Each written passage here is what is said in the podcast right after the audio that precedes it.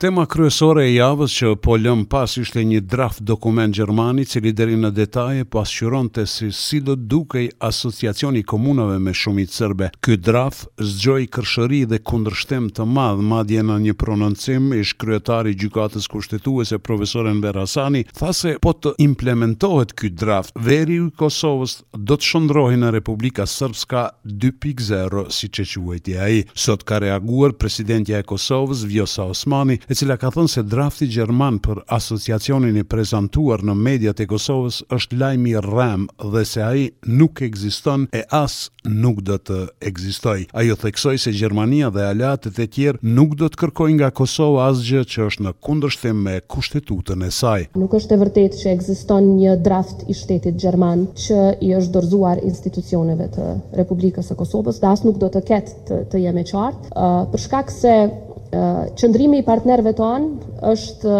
i qartë në kontekstin që ata nuk thonë vetëm themelojeni asociacionin, por edhe pjesa e dytë e kërkesës është shumë e rëndësishme. E përmendin që asnjë veprim i tillë nuk duhet të jetë në kundërshtim me Kushtetutën e Kosovës dhe vendimin e Gjykatës Kushtetuese.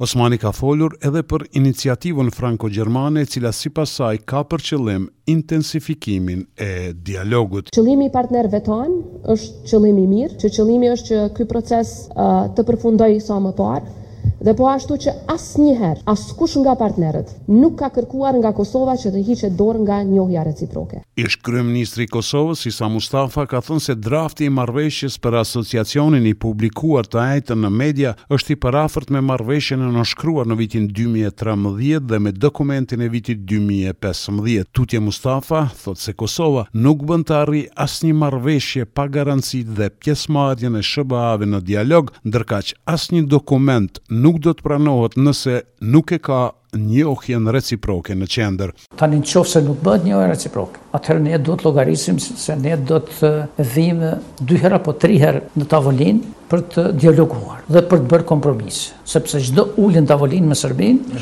nënkupton që do të, do të kërkohet kompromis nga nga Kosova. Dhe për ne shtrohet pyetja, në qoftë se tani bëjmë disa kompromise për me arrit deri te kjo marrëveshje dhe mbetet ma vonë njohja reciproke, atëherë shtrohet pyetja, Çfarë ne duhet të japim edhe për njohjen reciproke. Dhe në këtë aspekt unë mendoj se duhet të punojë Qeveria shumë. I dërguari i Shteteve të Bashkuara për Ballkanin Perëndimor, Gabriel Escobar, është takuar të mërkurën me presidenten Vjosa Osmani dhe kryeministrin Albin Kurti, ku në fokus të takimit ka qenë dialogu me Serbinë. Pas takimit, presidentja Vjosa Osmani ka thënë se Kosova gjithnjë ka qenë palë konstruktive dhe e gatshme për dialog. Shfrytëzova gjithashtu rastin për ta shprehur shqetësimin dhe pakënaqësinë tonë për moszbatimin e marrëveshjeve të nënshkruara nga ana e Serbisë, duke përfshirë, në veçanti, refuzimin e vazhdueshëm nga ana e tyre për shpërbërjen e strukturave ilegale dhe kriminale, të cilat vazhdojnë t'i kërcënojnë dhe frikësojnë serbët e Kosovës dhe udhëhiqen nga individë të sanksionuar nga qeveria e Shteteve të Bashkuara të Amerikës. Jo vetëm që Serbia ka refuzuar t'i shpërbëjë këto struktura kriminale, por, në fakt, vazhdojnë t'i mbështesin financiarisht dhe politikisht. Emisari amerikan, Gabriel Escobar, gjithashtu është takuar edhe me kryeministrin Albin Kurti. Kryeministri Kurti ka thënë se Kosova është e gatshme për një marrëveshje me Serbinë ligjërisht të obligueshme. Jemi të gatshëm dhe të përkushtuar për arritjen e një marrëveshje ligjërisht të obligueshme për normalizim të plotë të marrëdhënieve me njohjen reciproke në qendër. E mirëpresim gjithmonë interesimin dhe angazhimin e Shtetet e Bashkuara të Amerikës në këtë proces. Ndërkaq diplomati amerikan Escobar tha se Shtetet e Bashkuara do të vazhdojnë të mbështesin pjesëmarrjen e Kosovës në dialogun e lehtësuar nga Bashkimi Evropian. I am very proud to say that Kosovo has contributed greatly. Jam krenar të them se Kosova ka kontribuar shumë për agjendën tonë të përbashkët dhe mendoj se ngjarjet e kësaj jave në Kosovë janë indikator i rëndësishëm se si po kontribuon Kosova në mënyrë pozitive në agjendën e përbashkët për demokraci dhe liri.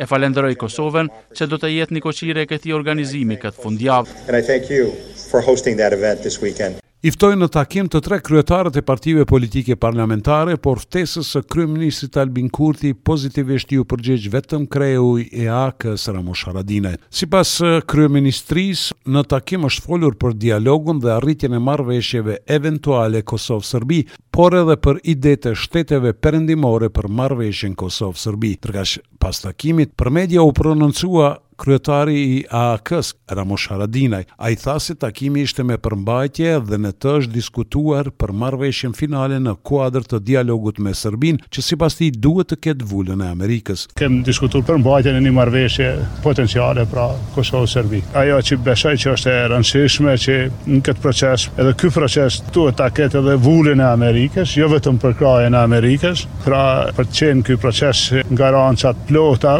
duhet të nënshkruhet të paktën edhe nga niveli i njëjtë amerikan. Ndërkaq një ditë para takimit, pas LDK-së dhe PDK bëri të ditur se nuk do të merr pjesë në takimin e thirrur nga kryeministri Albin Kurti. Kryetari i Partisë Demokratike të Kosovës, Memli Krasniqi, ka thënë se ftesa e kryeministrit Albin Kurti është joserioze, pa përmbajtje, pa agjendë dhe pa protokoll. Partia Demokratike e Kosovës do ta mbështesë një marrëveshje finale që ka si bazë njohjen e ndërsjellë dhe ruajtjen e rendit kushtetues të vendit tonë. Por për tema të tilla, për vendime të mëdha, ju së pari duhet të bëheni serioz dhe ta kuptoni se vendi i diskutimit nuk është një zyrë, por është Salla e Kuvendit të Kosovës. Prandaj, diskutimet që keni menduar për të premten në zyrën tuaj, ju ftoj që t'i bartni në Kuvend. Pas Shteteve të Bashkuara, edhe BE-ja ka kërkuar shtyrjen e afatit për ndrrimin e targave. Zëdhënësi i BE-së, Peter Stano, ka thënë se, Vendimi i Kosovës për të ndërruar tabelat e regjistrimit është legjitim. Afati për targat RKS ka nisur më një shtator dhe përfundon më tridhjetë e një tetor. Deri më tani Qeveria e Kosovës ka thënë se afati nuk do të shtyhet dhe se nga një nëntori nuk do të mund të qarkullojnë makinat me targa të Serbisë. Për Radion SBS Mendu Hysa, Prishtinë.